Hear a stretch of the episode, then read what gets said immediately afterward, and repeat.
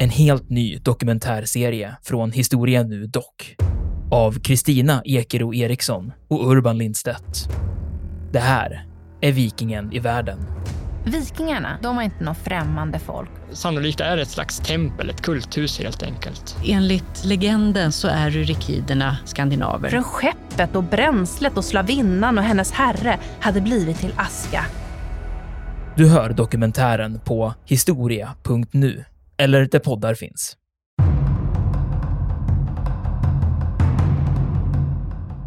Samtidigt som, som Casablanca-konferensen pågår, då är det så att tyskarna sitter ju inte stilla bara här, utan de gör ju mot, ett motdrag här.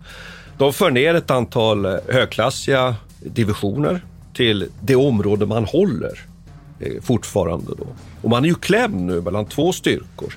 Dels är det ju då de förband som har förts in nu då, framförallt amerikanska förband med operation Torch i väster, men sen är det ju också Montgomerys åttonde armé. Det vi kan konstatera är att tyskarna på ett ganska skickligt sätt inledningsvis håller både Montgomery och, om jag nu uttrycker mig lite enkelt här nu då, de amerikanskledda allierade i väster stången. Och det gör man ju därför att man har en möjlighet att dels använda faktiskt en del försvarslinjer som italienarna har byggt upp och etablerat. Men det är också så att tyskarna har ju en, en, som vi vet, mycket känd rörlighet i sin krigföring och de kan operera på de inre linjerna, Peter.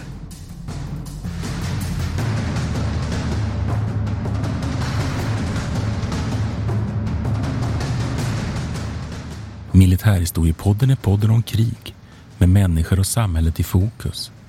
Programledare är Martin Hårdstedt, professor i historia vid Umeå universitet och Peter Bennesved, doktor i idéhistoria. Podden ges ut av förlaget Historiska Media. Stöd gärna MH-podden via vårt swishnummer 123 610 76 68. Märk betalningen med MH-podden.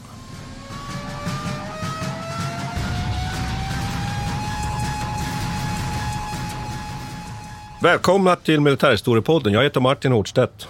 Jag heter Peter Bennesved. Idag är det dags för, kan man väl säga, ett eh, avsnitt som behandlar lite olika saker, men som knyter ihop flera saker som var på gång i andra världskriget. Vi har ju haft ett avsnitt om El Alamein, där vi kunde konstatera då att britterna kunde vända kriget i Nordafrika. Och det är ju i, i slutet av, av 42. Eh, vi har haft ett avsnitt om Stalingrad, eller hur? Och där man kan säga att kriget ju i någon mening började vända i alla fall i Ryssland. Vi har haft Midway, som också kom att visa sig vara en, en vändpunkt i kriget i Stilla havet. Och nu så ska vi fylla på då med dels då allierad landstigning i Nordafrika, avslutningen av kriget i Nordafrika. Och så ska vi komma in på eh, landstigningen i Sicilien som är ju liksom nästan börjande på en allierad andra front i Europa, eller hur? Och samtidigt som det här händer då, det vi ska ta upp nu, vi kommer ju att framförallt röra oss nu på våren, sommaren 1943, så pågår ju kampen i Atlanten med det tyska ubåtskriget. De allierade har börjat få överhand när det gäller bombning, Luftterraväldet över Europa. Och som vi kommer att avrunda med här, att egentligen i samma stund som de allierade landstiger på Sicilien så kör ju tyskarna igång den stora kraftmätningen i det som sen kommer att betecknas som slaget vid Kursk. Så här befinner vi oss nu. Liksom på något sätt, hur ska man säga Peter, vad säger du? Vändpunkterna eller fortsättningen på vändpunkterna eller... Ja. Ja. ja men man, kan väl, man kan väl säga så här att alla de här olika utvecklingslinjerna som vi har följt börjar liksom sammanfalla. Och det, blir ganska, det är ett ganska intensivt skede. Eh, och det är väldigt många olika aktörer och britterna och, och USA börjar samarbeta på ett helt nytt sätt här och försöka få ihop och göra regelrätta invasioner egentligen. Men mm. jag fattar inte, kan du förklara för mig varför, vad, vad är det just nu med Nordafrika? Varför, varför siktar man där? Liksom? Ja, alltså italienarna har i Nordafrika väldigt viktigt för att, eh, att skapa ett kolonialvälde med Libyen, också Etiopien. Det är ju så att säga Mussolinis liksom hela utrikespolitiska program. Så att mycket står ju egentligen här på spel för italienarna och för Hitler och Nazityskland så är det viktigt att understödja Italien och hålla dem kvar i kriget. Det är också viktigt att fortsätta att upprätthålla kriget i Nordafrika. Ett annat skäl då är ju att just att helt sysselsätta de allierade därför att man är ju orolig för en andra front och det man fruktar mest ju, är ju faktiskt till exempel en, en, en allierad landstigning i Grekland och, och en, liksom ett, ett anfall norrut. Det skulle ju knäcka mycket av de tyska, dels i de här som vi pratade i, i avsnittet om, om Grekland, de här viktiga strategiska metallerna som finns där och vi har ju oljan i Rumänien. Så, så, att därför finns det, så därför är det här viktigt och därför kan man väl säga så här att Tyskland understödjer liksom italienska krigföringen fortsatt i, i Nordafrika med tillräckligt mycket understöd. Så skulle man kunna uttrycka det. Och den person som ju fortsatt här är intressant då i Tyskland, det är ju, det är ju Rommel som kommer nu att liksom komma tillbaks till Nordafrika. Men, men det jag inte fattar är, liksom, eh, om man tänker lite mer kontrafaktiskt, varför går man inte direkt på Vichy, Frankrike? I de här områdena som är under Operation Torch, som vi ska snacka om, och landsting i Sicilien och det. Ja, men nu går man in i Marocko eh, och, och eh, Algeriet, i de eh, kustområdena här. Eh, och de, de tillhör ju Vichy-Frankrike, det är ju som franska koloniala områden. Men varför går man då inte... Tunisien det, också. Tunisien ja, Tunisien också, också ja. Mm. Precis.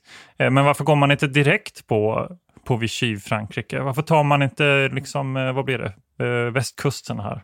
Och mm. Bordeaux? Mm. Det där måste vi kanske reda ut.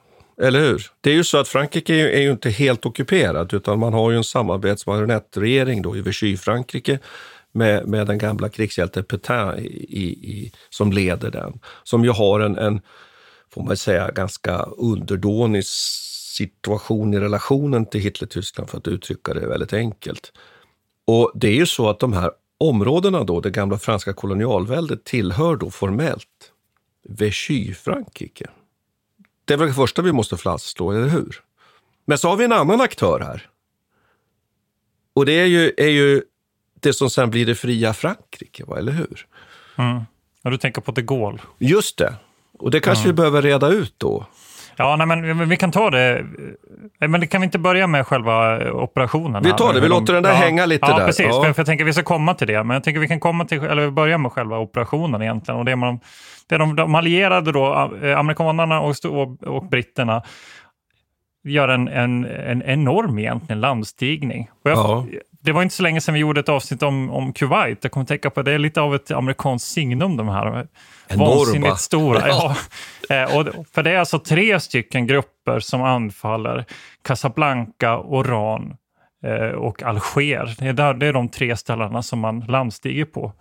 Och då är det alltså direkt från USA kommer alltså 102 fartyg eh, under ledning av Patton med 35 000 soldater och det är ungefär 29 lastfartyg. Så det är en ganska, eh, ganska stor operation. Sen kommer ytterligare ett gäng från eh, Storbritannien, från Clyde. Här är 39 000 amerikanska soldater som är eskorterade av, av Royal Navy.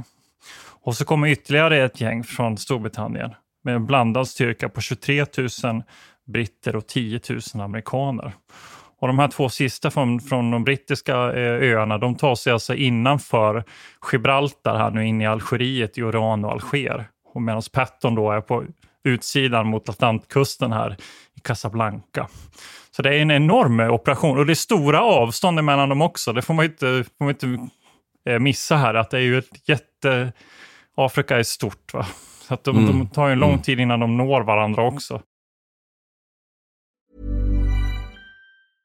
Hey, it's Paige DeSorbo from Giggly Squad. High quality fashion without the price tag. Say hello to Quince. I'm snagging high-end essentials like cozy cashmere sweaters, sleek leather jackets, fine jewelry, and so much more. With Quince being 50 to 80% less than similar brands. And they partner with factories that prioritize safe, ethical, and responsible manufacturing. I love that. Luxury quality within reach. Go to quince.com slash style to get free shipping and 365 day returns on your next order. Quince.com slash style. This is Paige, the co-host of Giggly Squad, and I want to tell you about a company that I've been loving, Olive and June. Olive and June gives you everything that you need for a salon quality manicure in one box. And if you break it down, it really comes out to $2 a manicure, which is absolutely insane. It's also so easy to get salon worthy nails at home with Olive and June. The difference between how your nails used to look when you did them yourself and now with the Manny system is a complete game changer. The best thing about Olive and June, too, is it's a quick dry. Dries in about one minute, lasts for five days, and full coverage in up to one to two coats. Visit oliveandjune.com slash perfectmanny20 for 20% off your first system. That's oliveandjune.com slash perfectmanny20 for 20% off your first system. Here's a cool fact a crocodile can't stick out its tongue. Another cool fact you can get short term health insurance for a month or just under a year in some states. United Healthcare short term insurance plans are designed for people who are between jobs, coming off their parents' plan, or turning a side hustle into a full time gig. Underwritten by Golden Rule Insurance Company, they offer flexible, budget friendly coverage with access to a nationwide network of doctors and hospitals. Get more cool facts about United Healthcare short term plans at uh1.com. Det är ju lite spännande på tal om det du sa med, med Vichy-Frankrike nu, för att den stora frågan för amerikanerna och britterna är ju hur ska Vichy-Frankrike egentligen förhålla sig till det här? Och de står ju på olika sidor av kriget. Petins regim, eller hans, hans eh, Marionettregering. Ja, marionettregering är ju, står ju egentligen en kollaboration, kollaborationsregering tillsammans med Hitler egentligen. Men samtidigt vet man ju att det finns väldigt starka krafter inom Frankrike som vill att det här, eh, vill få understöd av de allierade för att så peta bort Petain och, och eh, uppnå det här fria Frankrike som du nämnde. Så det man gör då, det är att man, å andra sidan så vill man inte avslöja här, för det är ju viktigt, eh, the moment of surprise här, eller element of surprise är ju superviktigt i det här sammanhanget. Eh, så att man inte blir sänkt på vägen framför allt. Att inte blir, de här skeppen blir nedskjutna. Det är faktiskt bara ett fartyg under hela ja, Operation Torch. Får jag, skjut, får jag skjuta in ja, en sak här? In jag hoppas att jag skjut in en torped. jag går in här nu. Ja, det, det, precis det är väldigt fascinerande tyskarna faktiskt inte kommer åt den här flottan med ubåtar. Precis, och det här har ju diskuterats en hel del. Va? Varför? För att man vill ju samtidigt ha med Vichy, Frankrike eh, och de här nordafrikanska koloniområdena så att de inte gör motstånd egentligen.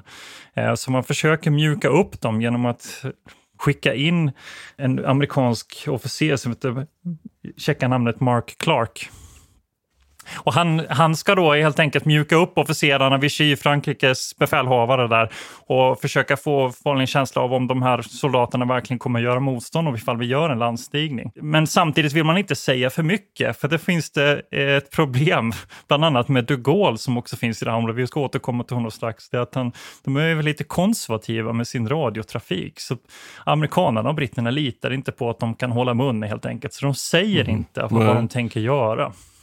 Och Det här ger lite blandad effekt. Då. Så när man väl genomför den här Operation Torch, så på vissa ställen så, så kommer man möta motstånd från franska trupper faktiskt. Men medan andra så gör man inte det. Och framförallt det på eh, Patton som går mot Casablanca. Han möter i princip inget motstånd alls, utan han bara rullar in i Casablanca. Medan i Oran och Alger så blir det faktiskt en hel del eldstrid och man sätter upp ett ganska hårt motstånd. Mm. Ville du säga någonting? Ja, alltså, du, såg lite det vill, sugen ut. Det, det vill jag ju alltid, så den frågan ja. behöver du inte ställa. Men, nej, men jag tycker att man kan också, det finns, finns många liksom lager i det här som är så spännande. Det är ju så att britterna är ju starka antagonister mot den här Vichy-regimen. Ja. Ja. ja. Och det är viktigt att komma ihåg. Och det är därför det är amerikanerna här som försöker få över, så att säga, eh, det lokala Vichy-Frankrike i Nordafrika på sin sida. Och är det inte också så att det råkar vara så att överbefälhavaren eh, för eh, Vichy-Frankrike råkar befinna sig på plats. Jo, det här precis. Det är, så, det är lite... Jag hoppas ganska många lager. är med ja. här nu. Va? Ja, precis. Ja. men det är lite komplext. Då, för att vi komma ihåg att det finns flera olika grupperingar nu ja. i det som har varit Frankrike. Flera olika maktkonstellationer. Det ena är general Petain som, är, som, är, eh, som leder Vichy-Frankrike.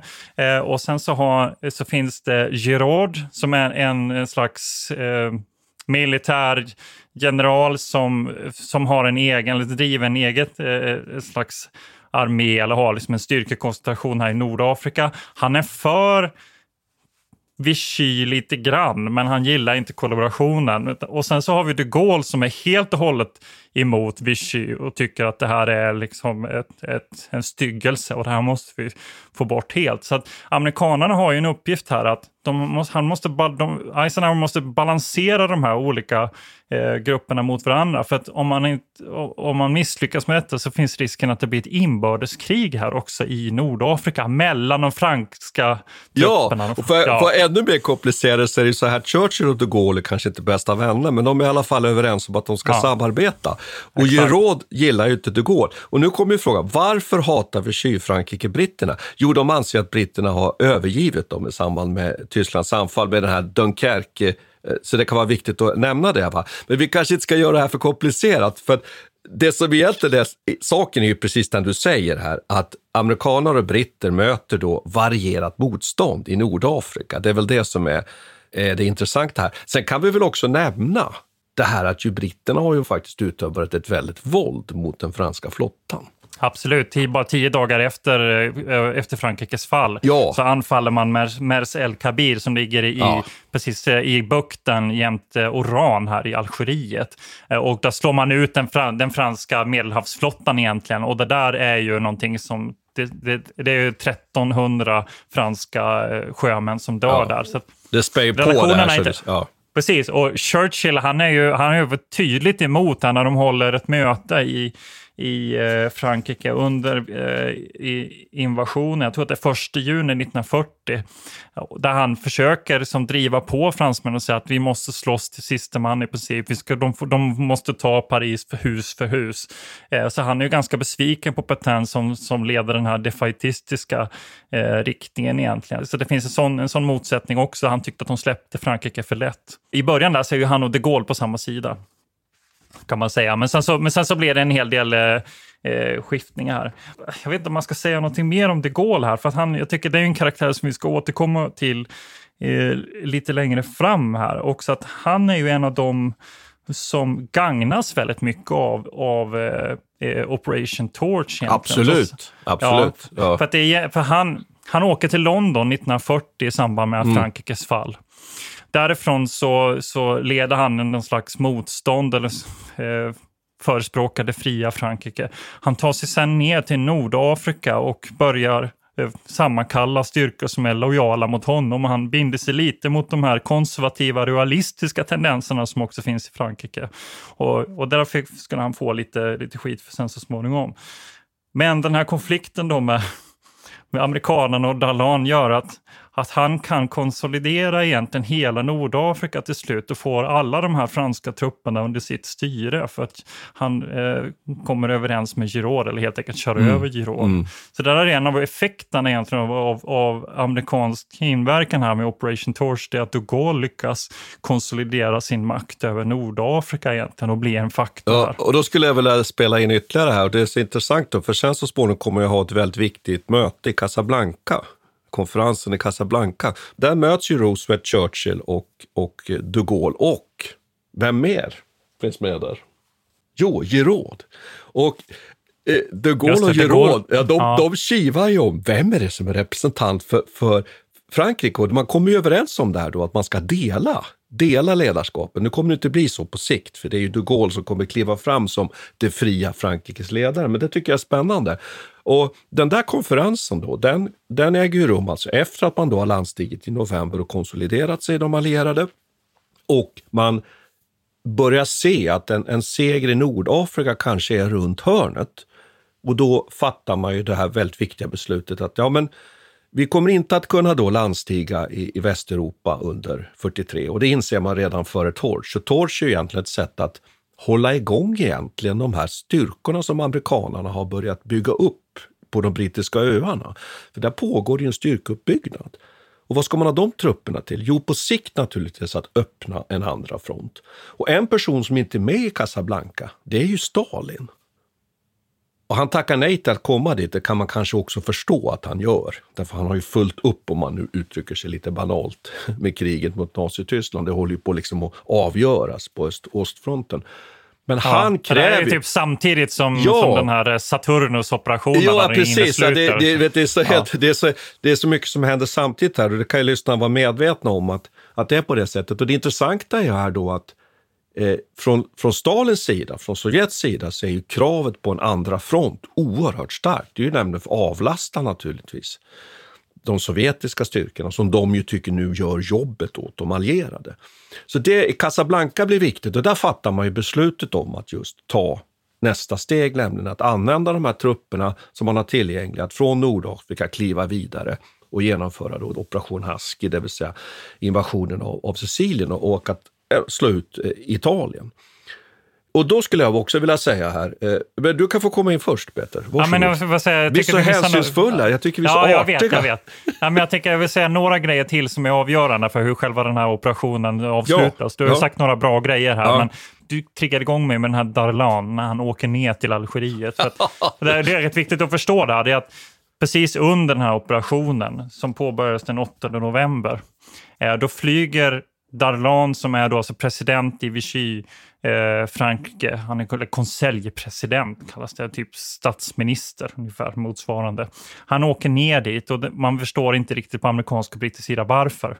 Eh, man tror att han kom, kanske kommer motsätta sig Torch, men det gör han inte utan han blir övertygad av den här Mark Clark att lägga ner så att det uppstår alltså en vapenvila bara några dagar. Den 11 november så utropar man vapenvila under hela Nordafrika och på det viset så lyckas Operation Torch med sina strategiska mål. Och detta får också konsekvensen av att Hitler bestämmer sig för att han också ska ockupera de södra delarna av Frankrike, det vill säga Vichy-Frankrike. Och detta blir ju ett, ett, ett sista spiken i kistan för Vichy-Frankrike egentligen, för då visar de att den här kollaborationslinjen som Petain har kört, den misslyckas. Här ser man ju tydligt att Hitler inte höll sina löften. Och detta betyder också att de Gaulle och Giraud, båda två, får en enorm tillströmning av franska soldater eh, och vapen från Vichy-Frankrike för att de, många av de soldaterna som varit lojala till Vichy-Frankrike tar sig ner till Nordafrika.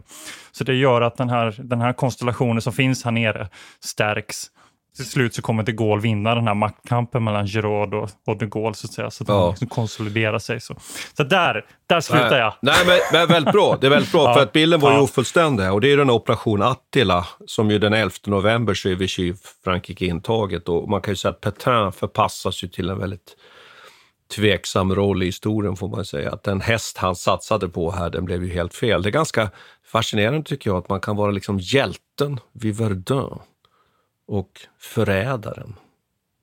Det, Ja, men det- jag tänker också på ja. det. Det må- har det med åldern att göra? Är han så jäkla gammal? Han liksom orkar inte strida längre för det här? Eller vad är det som gör att han beter sig så? Han flyr ju inte heller vid. Frankrike, vilket också Nej. får ganska svåra konsekvenser mot det. Han väljer, liksom, han väljer förnedringen, säger man i historieskrivningen. Han kunde ju också tagit sig till Nordafrika och anslutit till, till de Gaulle och Giraud. Och de Ja, här. han har varit en hjälte. Han har varit hjälte. Jag, jag tror att det är så här att det finns en faktor till här. Det finns ju många faktorer. Han är ju intressant Petain på många sätt. Men han uppfattar, han har en väldigt besvikelse egentligen över Frankrike. Han säger att det är 20 år av marxism har skapat den här situationen, det vill säga nederlaget mot Tyskland. Så att jag tror att det fanns någonting lite mer eh, besvärande och fatalistiskt liksom i hans sätt att se på världen. Nu får jag Ludendorff-vibbar. Blev han en foliehatt alltså? Är det det? Är det den här bitterheten som tar över på ålderns höst? Det är inte säkert. Ingen folie, Peter. Men nu ska vi ta, nu ska vi ta avslutningen i Nordafrika. Och Ja. Då är det så här att samtidigt som, som Casablanca-konferensen pågår, då är det så att tyskarna sitter ju inte stilla bara här, utan de gör ju mot, ett motdrag här.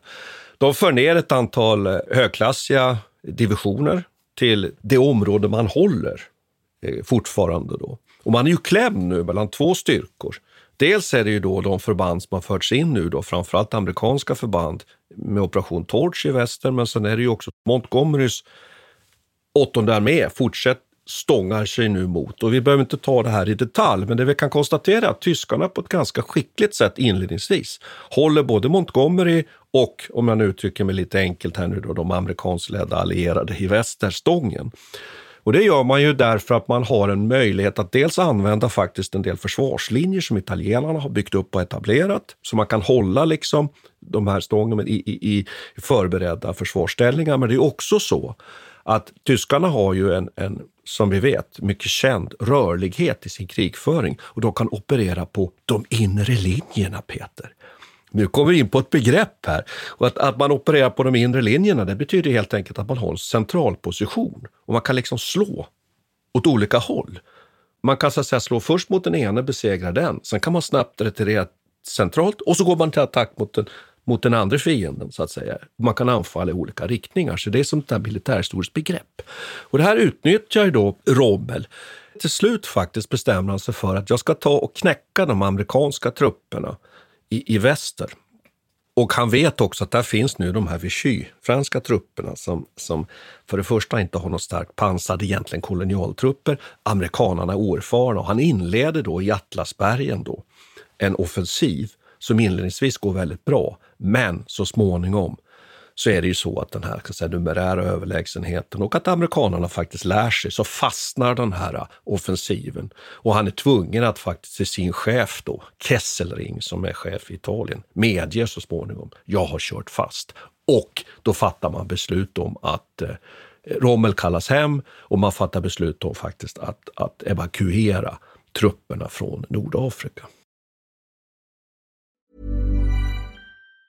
Hi, I'm Daniel, founder of Pretty Litter. Did you know cats tend to hide symptoms of sickness and pain? I learned this the hard way after losing my cat, Gingy. So I created Pretty Litter, a health monitoring litter that helps detect early signs of illness by changing colors, saving you money and potentially your cat's life. Pretty Litter is veterinarian developed, and it's the easiest way to keep tabs on your fur baby's health right at home. Go to prettylitter.com and use code ACAST for 20% off your first order and a free cat toy. Terms and conditions apply. See site for details. Quality sleep is essential. That's why the Sleep Number Smart Bed is designed for your ever evolving sleep needs. Need a bed that's firmer or softer on either side? Helps you sleep at a comfortable temperature? Sleep Number Smart Beds let you individualize your comfort so you sleep better together. JD Power ranks Sleep Number number 1 in customer satisfaction with mattresses purchased in-store. And now save 40% on the Sleep Number limited edition Smart Bed for a limited time. For JD Power 2023 award information, visit jdpower.com/awards. Only at Sleep Number stores or sleepnumber.com. Here's a cool fact: a crocodile can't stick out its tongue. Another cool fact: you can get short-term health insurance for a month or just under a year in some states. United Healthcare short-term insurance plans are designed for people who are between jobs, coming off their parents' plan, or turning a side hustle into a full-time gig. Underwritten by Golden Rule Insurance Company, they offer flexible, budget friendly coverage with access to a nationwide network of doctors and hospitals. Get more cool facts about United Healthcare short term plans at uh1.com. Det ringer en liten klocka i mitt huvud som säger någonting om Malta här nu också. Spelar inte det här roll att, tyskarna inte har förmågan att understödja den här lilla gruppen i Tunisien ja. för att britterna har lyckats behålla Malta? Är det inte så? Jo, för bilden den som jag målar upp här nu, den är, blir inte fullständig heller om man inte just spelar in det du säger här nu. Att det är så att logistiken, underhållet, bränsle, ammunition, och, och, och förnödenheter och även förstärkningar har väldigt svårt att nå fram till den här, eh, får man säga så, nya Rommels Afrikakår. För den gamla, den hade ju så att säga eh, slitits ut i och med eh, operationerna kring El, El Alamein tidigare. Men, men här kör fast. Och så tycker jag att det är också spännande här nu att det här slutar med att man evakuerar ju så småningom den här, vad ska vi säga, eh, fickan. Den 13 maj så är det hela över. Då har de eh, flesta styrkorna lyckats evakuera. Det kan man ju säga att det, det blir i alla fall en relativ framgång. Man lyckas faktiskt evakuera. Trupper som man har hämtat från Sicilien lyckas man återbörda till Sicilien och Italien på tysk sida. Men ändå trots det så kapituleras en sammanlagt 275 000 eh, soldater, tyska och italienska. Det är en hygglig siffra. Ja, det är det. Och två eh, befälhavare faktiskt också. Den här tysken Armin som får ta över efter Rommel och också italienarnas befälhavare Messi. Då. Och då kan man ju tycka så här att det här var väl kanske bara ett, ett smärre nederlag i en, i en räcka av nederlag. Ja, det har en, en, en, en signifikant politisk betydelse, nämligen att här kollapsar ju Mussolinis hela kolonialprojekt. Mm, mm. Och det här är definitivt att betrakta som början till slutet för hans regim. Och vi ska inte gå händelserna i förväg här nu, för vi ska ju strax komma till det här. Men eh, den här krisen så att säga i den italienska ledningen, den kommer ju att brisera så småningom. Den kommer ju landa i att Mussolini förlorar makten. Men här tycker jag man kan stanna upp och, och ställa ja, sig precis. frågan. Så det är intressant att tänka. Vi har, vi har följt Italien lite grann nu, eller det, vi, vi har inte pratat jättemycket om det, Nej. men det var den här invasionen av Kreta och Grekland och här så kommer vi, pratade vi en hel del om Italien och deras egentligen misslyckanden. Och ofta är det ju så vi pratar om misslyckanden när man pratar om Italien. Ja. Eh, och deras flotta i, som också blir nedkämpad av britterna i ett spektakulärt t- sån här torpedanfall. Och man kan fundera på vad det är, vad är det med dem som, som gör att de inte klarar av det här? Varför, varför går det så Ja. dåligt för italienarna egentligen? Ja. Jag tror att vi har ställt den här frågan för, förut. Ja, jag vet det. Och det, det. Dels kan man säga att det kanske i grund och botten är lite omöjligt att besvara fullt ut. Det ska vi börja Mm. med att säga, för vi ska ändå tycka vara, vara ödmjuka där. Men man kan väl säga så här, några faktorer är ganska intressanta att notera. För det första är det nog så här att Italien blir ju ganska snabbt, tidigt, eh, en fascistisk stat redan på 20-talet. Och det gör att Mussolinis upprustning av den italienska krigsmakten började lite tidigare. Så att flygplansmateriel och pansar och stridsvagnsmateriel, den, det är liksom typ 1 om man uttrycker sig så.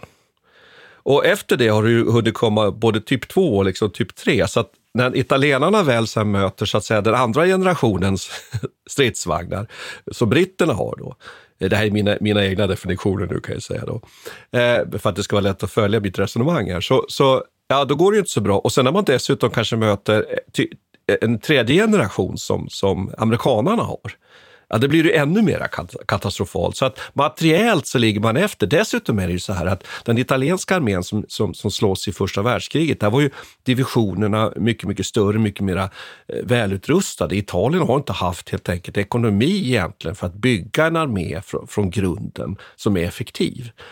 Så det tycker jag är materiella aspekter på det här. Men sen Men det är kommer- intressant. Ja, ja, säg du. Säg Ja, nej, Säg- kör du. Kör du. Varsågod. Nej, men jag, tänkte, jag bara kom att tänka på det här med flygvapnet också, för, eh, eftersom jag, ja, jag har studerat det där ganska mycket.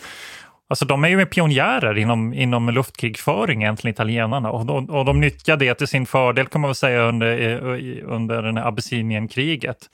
Eh, Och de är ju tidigt ute, de av de första flygbombningarna som görs i, i historien är ju italienska flygplan som gör. Och så det är märkligt, och, och de skriver doktriner och grejer, så det är märkligt att de här... Doé, Doé. Ja, Dohe, precis. Vi har pratat om han ofta. Ja. Guillaume Dohe och hans, Mm. eh, hans bok som får jättestor liksom, inflytande i det här flygdoktrinstänkandet. Men, men ändå så misslyckas de när det väl gäller. Men det är ju intressant det du säger, att de inte har råd att vara, liksom, ha den här eh, kvalitativa spetsen väl på fältet. Men det kanske, det kanske också är därför de har försökt driva på någon slags doktrinförändring för att på det viset få, men ja, jag vet inte. Det lyckas, de lyckas ju ändå inte. Nej, men du, du, är ute efter någonting, att de är liksom för tidigt ute, kan man uttrycka det så? Det här skulle kunna Mm. vara ett sätt att förklara det. Och sen så hinner de inte med för de har inte resurser, de följer inte med i utvecklingen. Nej. Så det är en aspekt. Sen har vi ju det här med, jag menar det, det pratar ju militärteoretikern Clausewitz om, till exempel. Va? Det är ju många som har pekat på det här, att jag menar viljan, stridsviljan är viktig. Man brukar ju skämta om det där när det gäller fotboll, att vilja går för, kan övervinna klass och sådär. Det, det har vi sett. Va? Det storlagen förlorar mot ett bottengäng. Liksom. Det är så. Eh, problemet nu också här, tror jag, eh, jag är kanske inte ensam om den analysen, men i alla fall så eh, Frågan är om det här är Mussolinis krig mer än att det är italienarnas krig. Det är viktigt Mm. att komma ihåg. Ja. Ja. Har han med sig de som slåss och dör, så att säga? Exakt, för för det finns ju en intressant parallell mellan Italien och Tyskland. De här staterna bildas ju egentligen ungefär samma tid. Ganska färska eh, stater egentligen. Och båda har tydliga så fascistiska eh, ledare som, som anspelar på den nationalistiska ideologin.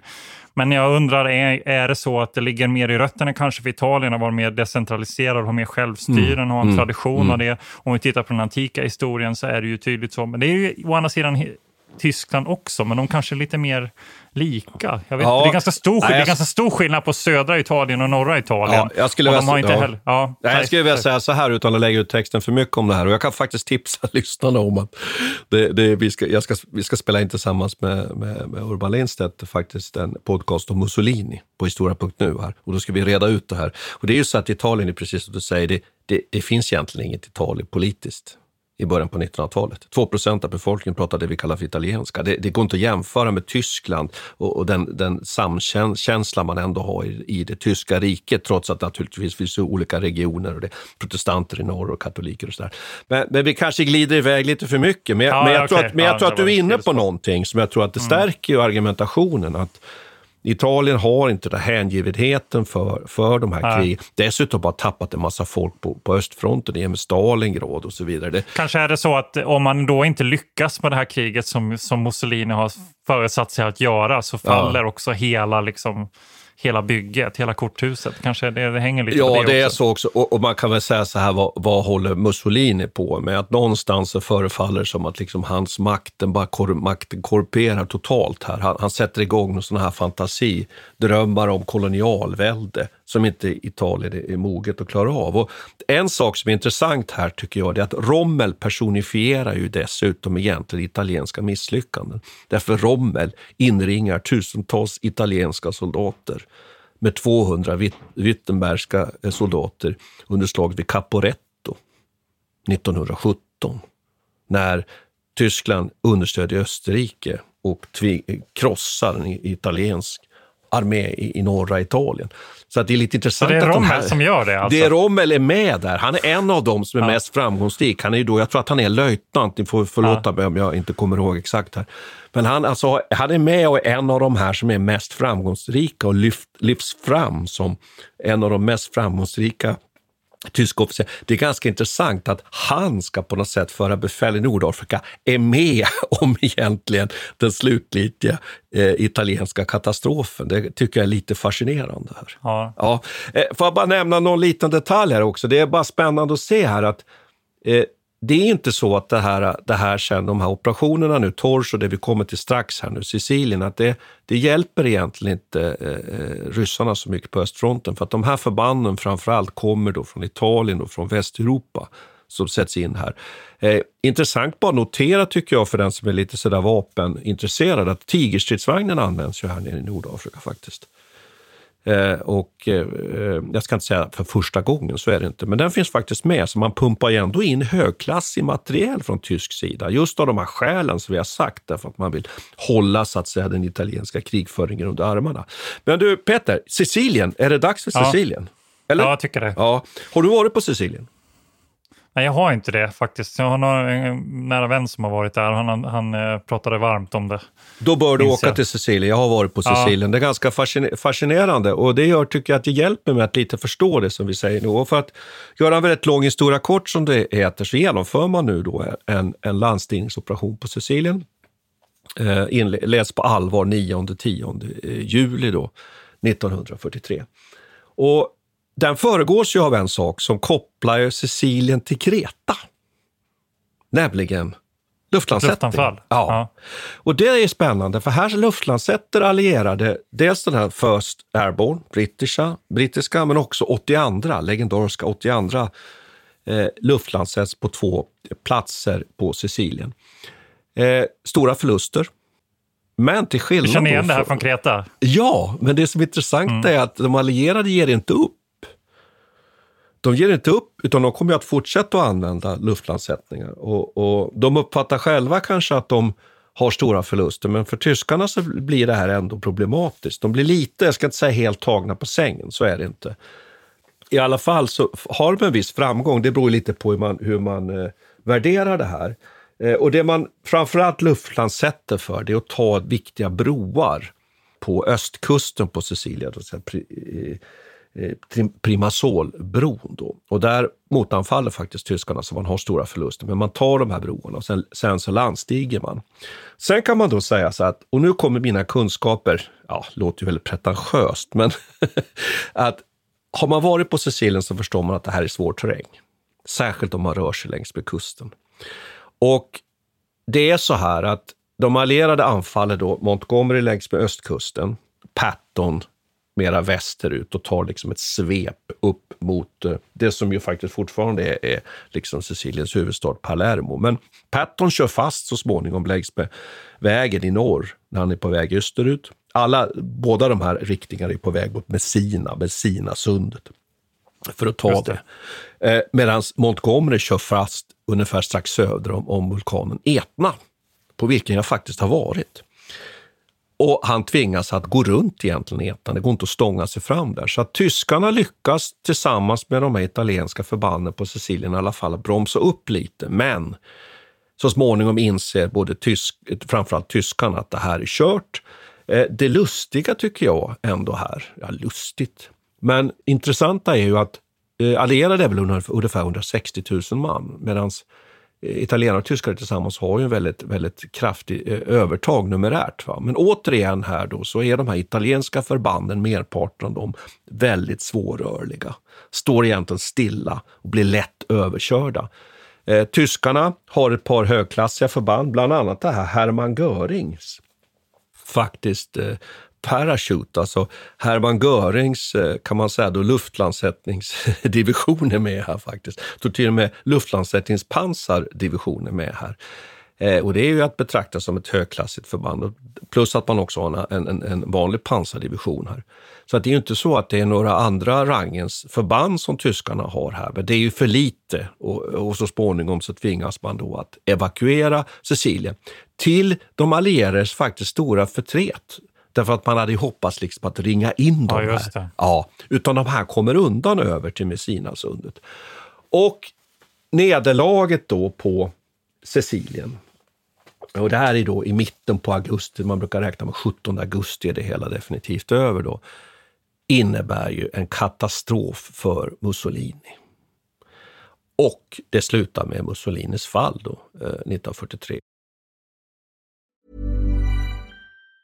Even on a budget, quality is non-negotiable. That's why Quince is the place to score high-end essentials at 50 to 80% less than similar brands. Get your hands on buttery soft cashmere sweaters from just 60 bucks, Italian leather jackets, and so much more. And the best part about Quince, they exclusively partner with factories committed to safe, ethical, and responsible manufacturing. Elevate your style without the elevated price tag with Quince. Go to quince.com slash upgrade for free shipping and 365-day returns. Flexibility is great. That's why there's yoga. Flexibility for your insurance coverage is great too. That's why there's United Healthcare Insurance Plans. Underwritten by Golden Rule Insurance Company, United Healthcare Insurance Plans offer flexible, budget friendly coverage for medical, vision, dental, and more. One of these plans may be right for you if you're, say, between jobs, coming off your parents' plan, turning a side hustle into a full hustle, or even missed open enrollment. Want more flexibility? Find out more about United Healthcare Insurance Plans at uh1.com. Mom deserves the best, and there's no better place to shop for Mother's Day than Whole Foods Market. They're your destination for unbeatable savings, from premium gifts to show-stopping flowers and irresistible desserts. Start by saving 33% with Prime on all body care and candles. Then get a 15-stem bunch of tulips for just $9.99 each with Prime. Round out Mom's menu with festive rosé, irresistible berry chantilly cake, and more special treats. Come celebrate Mother's Day at Whole Foods Market. Finns ju några intressanta aspekter av det här underrättelsekriget också som, som föregår eh, invasionen av Sicilien. Det finns en ganska känd episod som heter Operation Mincemeat. Men då har du hört talas om den? Nej. Det är när, när de håller på att planera inför den här luftlandsättningen så är ju frågan då, ska man gå mot Sardinien och Korsika eller ska man gå mot Sicilien? Och då är frågan där eh, hur man liksom lurar tyskarna så att man får möta på så lite motstånd som möjligt. Så en av anledningarna till att det går ganska bra i Sicilien är ju just för att tyskarna tror att man siktar in sig på Sardinien och Korsika. Mm. Mm. Och det, gör de, det tror de för att britterna har då planterat ett, ett dokument på, ett, på en brittisk soldat, som är, eller en matros kanske, som är död. Ett lik helt enkelt, planterat ett dokument där och så, så släpper de iväg det här liket längs med kusten från en ubåt utanför Sardiniens kust. Och där står det alltså en slags operationsorder om att man ska eh, anfalla Sardinien. Men man anser att det här, det här hade stor inverkan på den tyska planeringen, att man helt enkelt förde över trupper till Sardinien istället och tänkte att det är dit de, det är dit de siktar. Det här kallas för Operation Mincemeat, en ganska känd eh, episod. Ja. Liten, ja. ja, ja sen, sen, sen, men det är ju så här, hur stor roll spelar va? Jag tror även eh, anfallet mot Sicilien var ju så stort, alltså 150 000 soldater på en ganska liten ö. Det är ju en enorm mm. amfibieoperation mm. egentligen som de genomför. Och så, så även, även, om, även om det hade varit fler tyska soldater där så tror jag förr eller senare hade det malts ner. Va? Och det hade kanske, ja. Men ja, det är ju ja, men jag, jag håller med dig om, jag tycker att det är flera saker. Dels du nämner du någonting där med underrättelsekrig. Det, det, det har vi bestämt oss för att vi faktiskt har, som, som jag brukar säga här, i, vi har i pipen egentligen ogillar jag sådana ang anglofi... Jag vet inte varför, jag gillar det där ordet, pipen. Vi har det i pipen. Och det är ingen nu anspel på några ryska pipes här, utan det är pipelines. Utan det, vi har i pipen ett avsnitt med, med just underrättelsekrig. Då tycker jag vi ska komma tillbaka till det här. Hur stor betydelse har det här? Eh, det är ju helt uppenbart att tyskarna är lite ovetande och så att man lyckas ganska väl på den allierade sidan med att förvilla eh, tyskarna. Vart, var ska man landstiga? Sen är det intressant tycker jag att man genomför ju nu ett antal landstigningsoperationer. Man övar ju upp förmågan inför det som vi ju vet här som vi har facit i hand. Normandielandstigningen sen. Så man övar ju här, Torch, Husky, stora landstigningsoperationer. Eh, det är också så att man lär sig att hoppa lite bock längs med kusten och det gör bland annat Patton i norr där under operationen i Sicilien. Att han, han gör alltså landstigningar bakom tyskarna för att pressa dem tillbaka. Så det är någonting som vi kommer att ha anledning att komma tillbaka till när vi pratar om Italienfälttåget, att det här blir en viktig del av Italienfälttåget sen också. Sen ska jag, jag göra en rättelse här faktiskt på en gång, för det är så förvirrande med alla de här olika förbandsnamnen. Så Hermann Görings är inte luftlandsättningsdivision, det är, det är det är helt enkelt eh, gräddan av hans luft, luftmarktrupper som bildar en, en pansardivision. Det är lite förvirrande okay. med alla de här benämningarna. Eh, och, och, är det så att jag nu har gjort fel igen så får vi ta stryk för det. Men det, det, det, det, det, intressant, det intressanta är ju här att det visar ju för mig lite att man också börjar skrapa på tysk sida. Varför använder man dem? Varför sätter man ihop dem till ett stridande förband? För de ska väl eh, serva luftstridskrafterna, men någonting håller på att hända här. Vi är ju inne i krigets vändpunkt. Så att eh, 1943 så kan vi konstatera vid sommartid då, så då är Sicilien i allierade händer. Nordafrika är, är i allierade händer.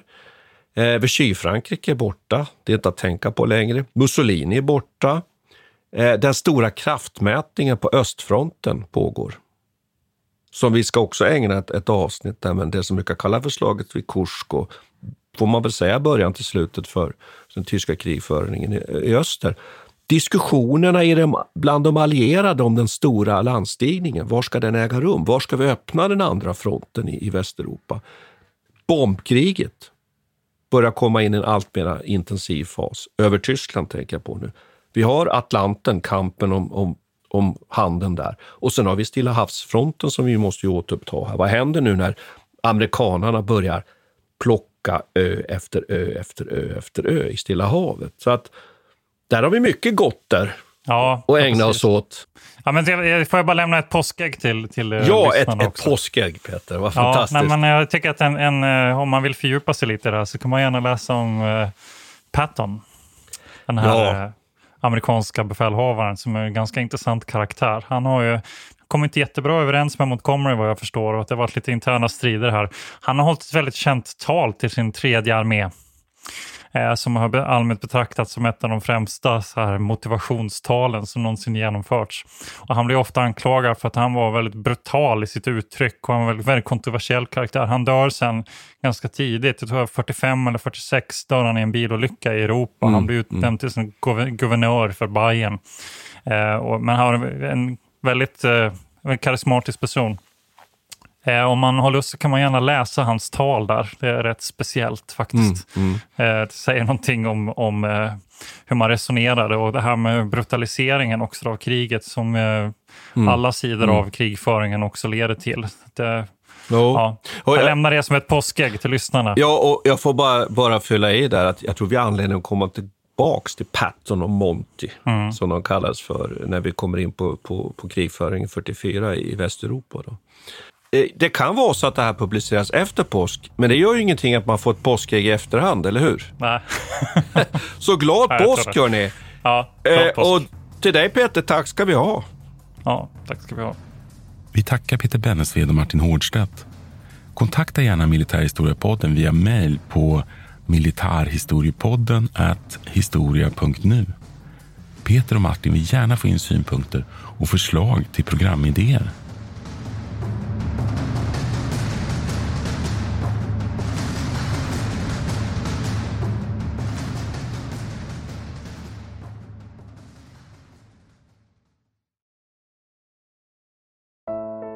Iran har under 1900-talet genomgått tre omvälvande revolutioner som orienterat landet antingen mot västerlandets modell eller mot en auktoritär styrelseform. Idag pågår en social revolution i landet som vänder sig mot det islamistiska styret och vars anhängare har Europa och väst som förebilder. I en viktig bok ger idéhistorikern Mohammad Faslashemi en djupare förståelse för dagens dramatiska händelseutveckling. Iran mellan tre revolutioner är utgiven av förlaget Historiska Media. Beställ den fysiska boken på förlagets hemsida historiskamedia.se eller köp den i en bokhandel nära dig.